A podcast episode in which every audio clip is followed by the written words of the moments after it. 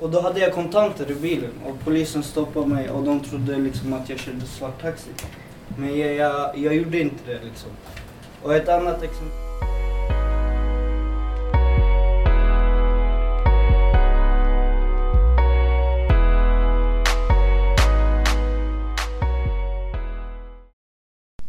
Hej allihopa, välkomna till vår första poddavsnitt som handlar om fördomsfria relationer mellan ungdomar och poliser. Eh, podden är en del av projektet för a better society som finansierades av Postkodstiftelsen. Vi på Young Revolution genomför projektet och vårt huvudsyfte är att göra ungdomarnas röster hörda i samhället samt hjälpa och stötta ungdomarna utifrån deras behov för att hjälpa dem att lyckas och må bra i livet. Anledningen till varför vi gjorde aktiviteten kommer från att kommer från behovet av att bygga förtroende och förståelse mellan ungdomar och poliser. Oftast finns det fördomar och missförstånd som skapar, dem, som skapar en klyfta mellan dessa två grupper. Därför har vi valt att hämta dem i, i en och samma miljö för att de ska kunna dela med sig sina åsikter och känslor så att de kan påverka varandra för då, då det kan göra, göras en skillnad. På vår första podd har vi med oss tre personer som var delaktiga i aktiviteten. Bland dessa tre personer har vi en polis som heter Sanna Granbäck där jag fick äran att ställa ett par frågor efter aktiviteten. Så låt oss höra. Du, jag tänkte fråga dig tre frågor där du eh, utifrån din erfarenhet och vad du har varit med om berättar om hur det ligger till. Mm, hur jag uppfattar det? Ja. Exakt, mm. ja. Första frågan är, vad upplever du är problemet i samhället när det gäller relationer mellan poliser och ungdomar? Att vi poliser inte finns kvar på plats. Att man inte jobbar i ett område en längre tid. Jag kan säga så här, framförallt här i Eskilstuna så är det extremt kort tid som eh, poliserna är ute och jobbar yttre tjänst. Mm. Och eh, då gör det inte att man lär känna ungdomarna. Vi lär känna de som är kriminella och så, men vi lär inte känna ungdomarna från början. Vi måste jobba mera eh, närvarande och eh, brottsförebyggande om vi någonsin ska kunna få ett förtroende hos ungdomar. Nu är vi bara där och är repressiva, vi bara kommer dit och eh, griper och sen åker man från platsen. Man skapar inte de här relationerna. Mm. Och det måste du vara kvar. Man måste vara kvar. Man får inte byta tjänst inom två år utan det, man måste vara kvar. Jobba mm. längre på samma ställe. Jag förstår. Du, när vi hade aktiviteten, då du berättade en händelse mm. när du var i Lagsberg. Skulle du kunna berätta igen? Absolut. Ja. För det var rätt intressant. Det här var när det var mycket problem runt en, en, en eh, liten närbutik som låg där. Mm. Och eh, där ungdomarna var och eh, kastade sten så det smällde till så att det lät som någon sköt. Det här var innan, innan det här mycket skjutande som har varit på slutet här nu. Utan det här var typ kan vara 16, 2016 någonting. Mm. Och då var det ett eh, höstlov, vecka 44, som vi hade sagt att eh, jag tillsammans med den som är, jag jobbar ju egentligen i Strängnäs, men han som var eh, kommunpolis då i Eskilstuna. Han och jag var ute och eh, tillsammans med våra polisvolontärer. Så vi sa att vi kommer vara där, den här veckan kommer vi vara där. Mm. Så vi hade lagt in fyra pass Eh, och vi kommer dit på måndagen och samtidigt som det går ut ett larm om att nu, nu har det varit där och kastat sten igen. Eh, och vi åker dit snabbt fram och sen står vi där och sen är vi där och pratar. Och vi står där i två, tre timmar och står och pratar med ungdomarna. Mm. Vi pratar även med folk runt omkring och så. Och eh, sen kom vi tillbaka till tisdagen och då kom alla ungdomar och var jättenyfikna och de stod och pratade och vi hade jättebra dialoger och liksom mycket de testade oss och sånt här. Och, och, men bra snack. Mm. Onsdagen likadant. Kommer dit, kanonbra. Och så ska ni vara kvar här säger de då. Kommer ni komma hit? Nej, imorgon är det sista dagen säger, säger vi. Och sen åker vi därifrån. Och när vi kommer tillbaka på torsdagen så är de för jävliga. För då mm. har vi svikit dem igen. Mm. Vi var där fyra dagar. Men andra och tredje dagen, det var helt fantastiskt. Vilka snack vi hade. Kanonbra. Men sen när vi sviker dem, och då var det bara fyra dagar. Förstår du? Vi måste, vi, måste, vi måste vara kvar. Och det här gäller ju både lärare och allting egentligen. Mm. Fotbollstränare. alla, att man är kvar. Det, det, är så viktigt att skapa de här relationerna med många ungdomar har inte tryggt. Mm. Och det, då behöver du trygga vuxna som finns där. Det, alltså det, det fina i det här är att du har reflekterat och kollat tillbaka hur det är och inte bara glömt det du har gjort. Mm. Och det, är- det är jättefint att poliser gör det nu för tiden. Och det är inte många som gör det heller. Det, det, det är viktigt att vi eh, poliser finns där hos ungdomar och lärare. Eh, vad, tror du att, eh, vad tror du att anledningen är till problemet? Alltså vilket, hur tänker du då? Att, att, Alltså, varför, vi, varför poliserna... Exakt, konflikten mellan ungdomar och poliser. Ja men alltså det... det jag tror att eh, de flesta unga poliserna, de, är för när, de är för nära sin egen tonårstid. Mm. Eh, och eh, det här med att tonåringar ska ju hela tiden testa gränserna. Ja. Det, det hör ju till. Det gör ju barn hela tiden egentligen. Mm. Och, men det gäller att man står kvar där och, och säger nej, nu är det nog. Att man är där och sätter gränser. Jag säger det, att sätta gränser, det är det viktigaste. Det är kärlek. Mm. Det är samma med föräldrar. Du måste sätta gränser för att tala om att där, nej, där är det nog. Och eh, tala om också vad, hur man vill ha det och sådana saker. Det är jätteviktigt det här snacket att man står kvar och, och visar att jag står för vad jag tycker och tänker. Mm.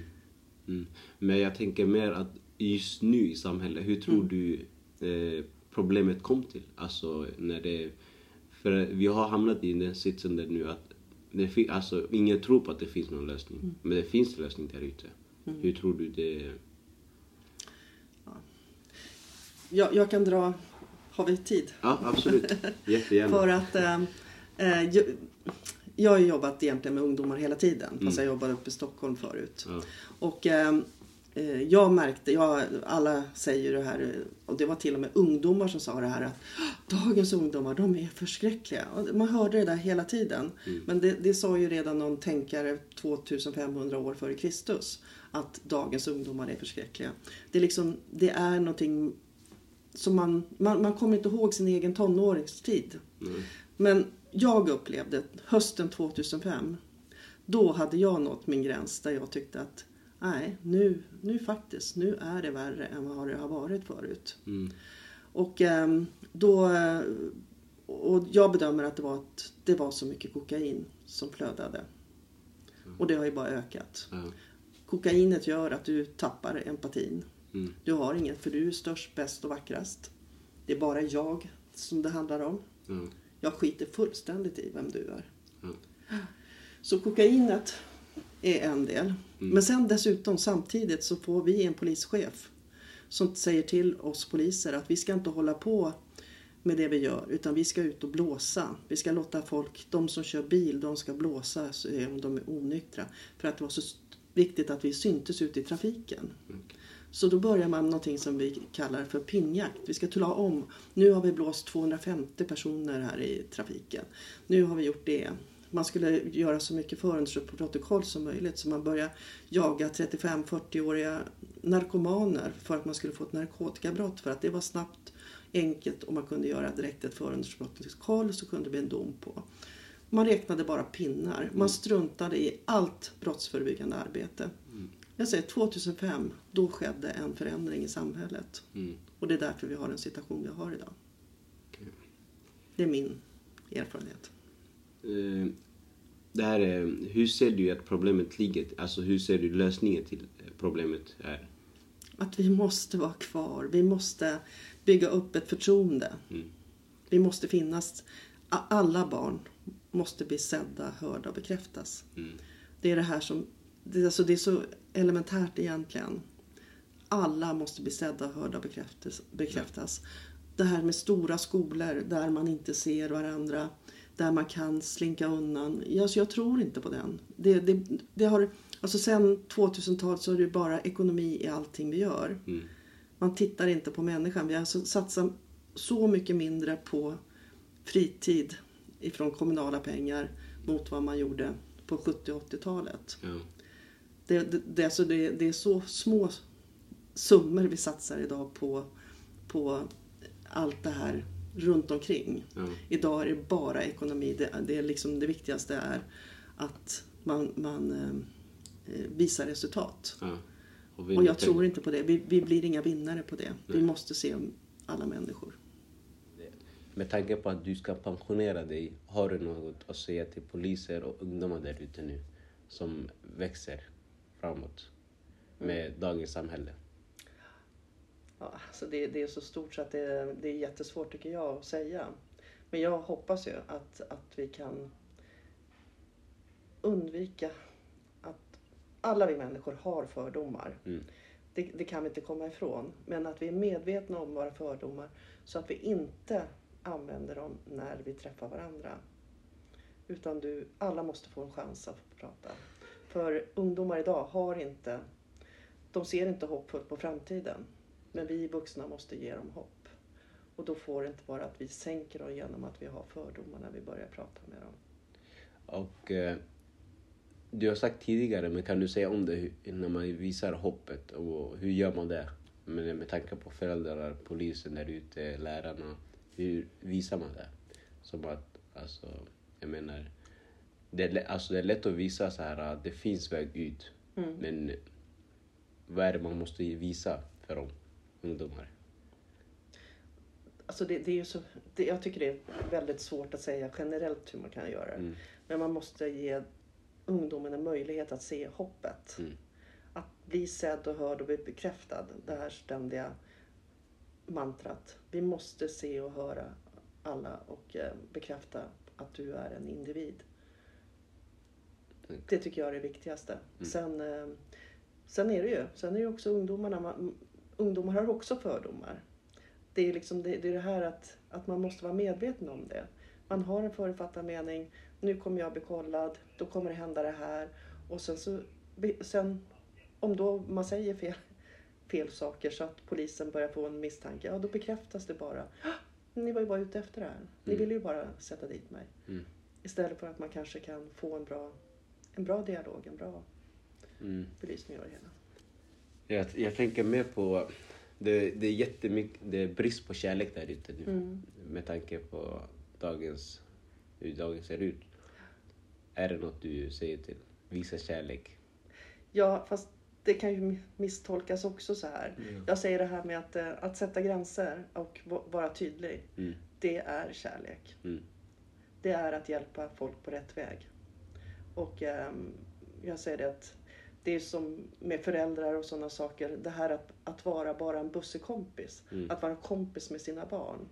Det är det sämsta du kan vara. Du, du är vuxen. Du, det är du som sätter gränserna. Mm. Och det är jätteviktigt.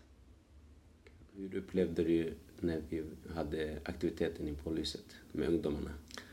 Jag kan säga så här att jag hade ju med mig tre polisvolontärer också. Mm. Och alla vi fyra var helt... En, ja, vi tyckte det var fantastiskt att ni var så ärliga. Att och alla ungdomar vågar stå för vad de hade upplevt. Den här oron. Jag känner mig även trygg. Polisen finns ju för anledning för att skydda oss. Så om de, om de gör sitt jobb rätt så känner jag mig trygg. Men det finns, jag har haft vissa erfarenheter då jag har känt mig ganska dömd. Eh, beroende på min hudfärg, hårfärg eller utseende. Och då har jag inte haft så trevliga bemötandet. Men samtidigt har jag träffat väldigt vänliga poliser som är jättevänliga, undrar vad jag gör, eh, vad jag, vart vart jag ska och så. Så det är väldigt olika.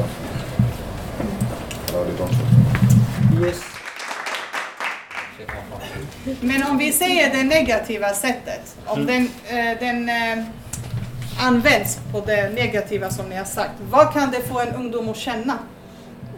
Man känner sig inte trygg otrygg. Mm. Vad sa du mer? Otrygg. Otrygg, ja. Mm. Ilska. Ilska. Kör, det är de här vi vill få fram. Känslorna. Eh, Besvikelse. besvikelse. Okej. Och eh, om vi tar det positiva, blir det mer en trygghet för er? Ja. Okej. Tack så mycket, bra jobbat!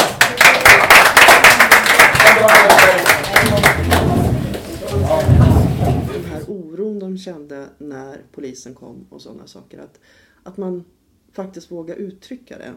Då tycker jag att man har kommit långt.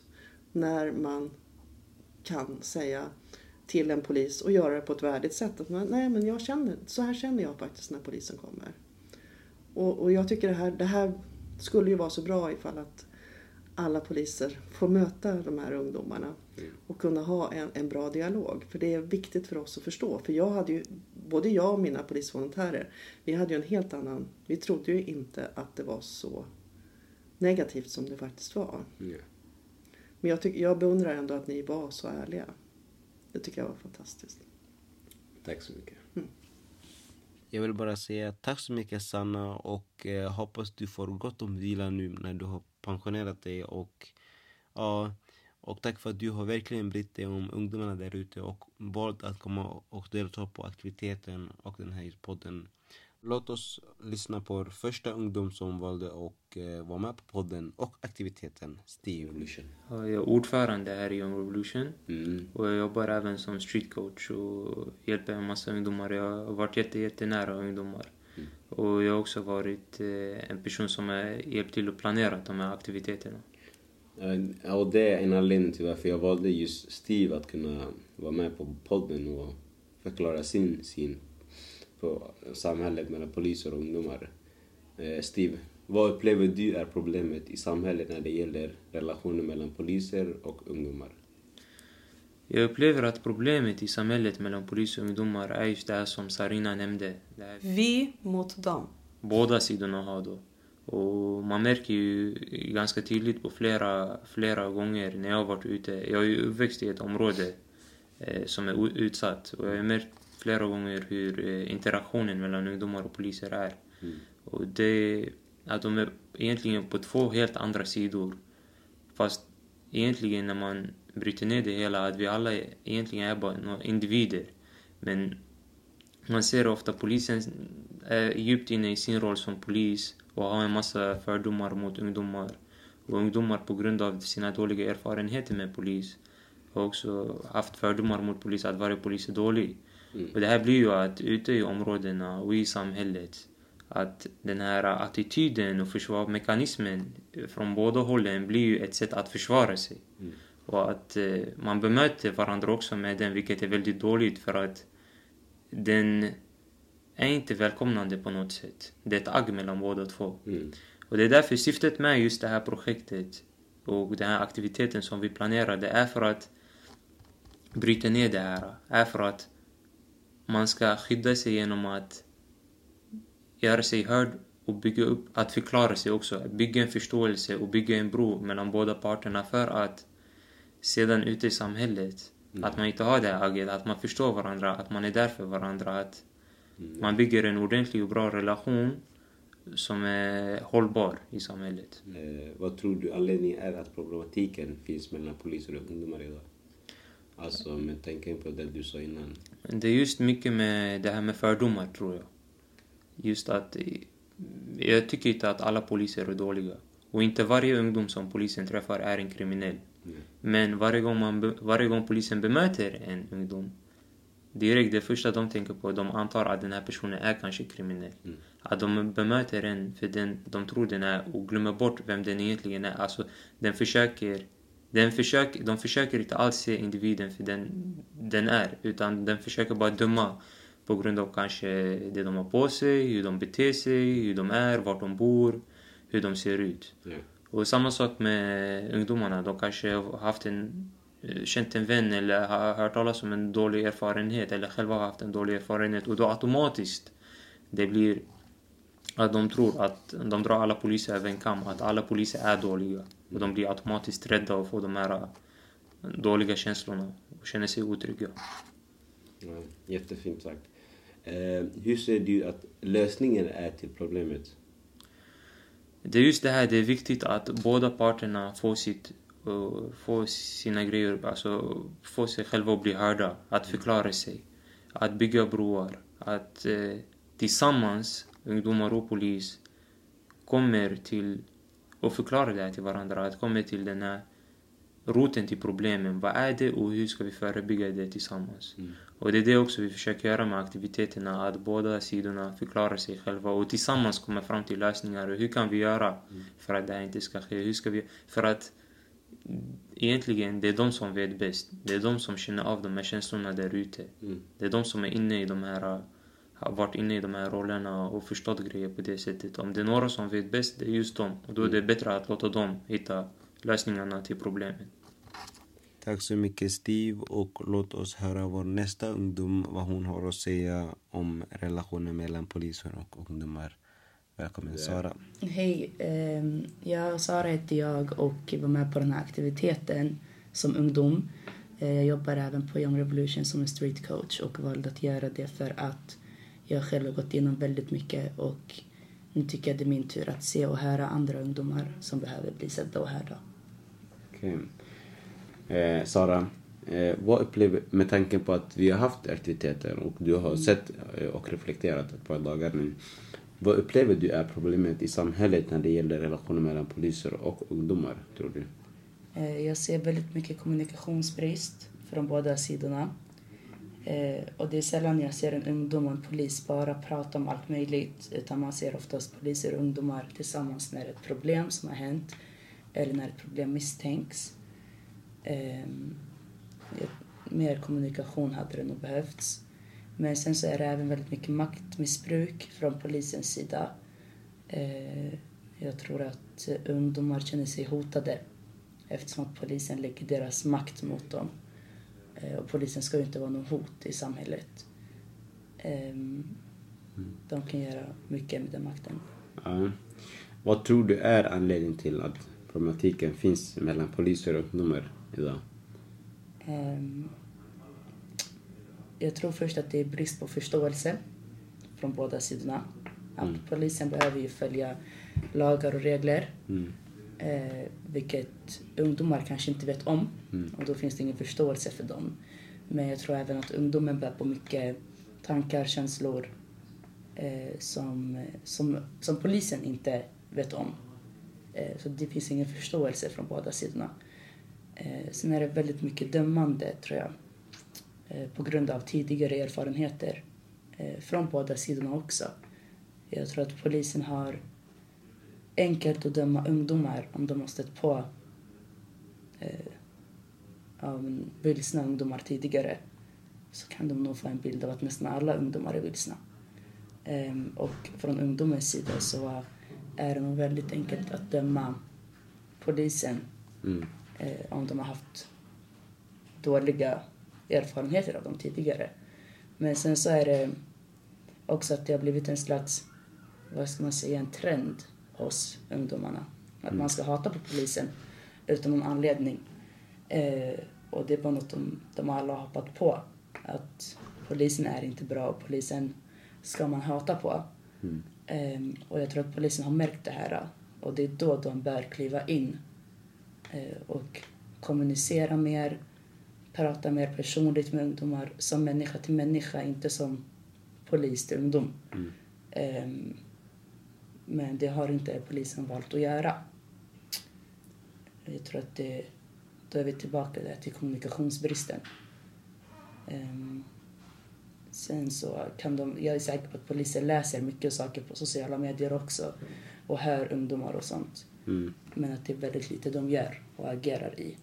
Men eh, nu när du säger att det är väldigt litet de gör, hur vill du att polisen nu där ute ska göra? Jag tycker att den här aktiviteten vi hade var jättebra. Eh, och eh, jag tycker att en sån aktivitet då och då borde ingå i polisens jobb. Att man fångar upp ungdomar och bara pratar med dem om allt möjligt. Eh, att man har någon aktivitet med ungdomar för att kunna nå ungdomarna. Eh, men även för att visa att de inte är något hot och att de inte vill ungdomar illa på något sätt. Mm, Så att jag tror att, jag tror att, de, jag tror att polisen behöver ta ett större kliv här för att visa att de vill, de vill oss väl. Liksom. Eh, Med tanke på att eh, du är själv ungdom, hur vill du att alla ungdomar där ute då ska bemöta polisen? Ehm, jag, eh, jag förstår att vissa har dåliga erfarenheter av poliser och det respekterar jag. Ehm, men jag tycker att man borde ge dem en chans. Eh, och då ja, tar polisen ett kliv, ett steg alltså, så, så tycker jag att ungdomar då ska vara villiga till att försöka kommunicera. Men jag förstår att du är väldigt på att det här med att polisen ska just ta ett kliv framåt och inte ungdomen heller. För det är ju jättestort om bara polisen kliver fram och visar kärlek och ungdomen har sin egen problem och inte visar kärlek tillbaka. Hur, hur tänker du? Jo, jag tycker att, eh, jag tycker att ungdomen tar ett steg genom att öppna armarna för polisen. Och, eh, och ja, men om polisen till exempel har en aktivitet då är det nog ungdomens ansvar att komma på den aktiviteten för att försöka lösa. Eh, men jag tror, att, jag tror inte att ungdomen är den första som ska ta steget. Utan jag tror att polisen är, den, polisen är de som ska ta det första steget tycker jag. Eh, Men att ungdomen ska vara villig att samarbeta sen, därefter, när de ser att polisen försöker. Det tycker jag. Okej. Ja, tack så mycket Sara. Tack själv. Nu är vi i slutet på vår första avsnitt och jag vill tacka alla som deltog i podden och alla som kom på aktiviteterna. Eh, glöm inte att följa så kommer ni höra flera poddar snart så hörs vi. Hejdå!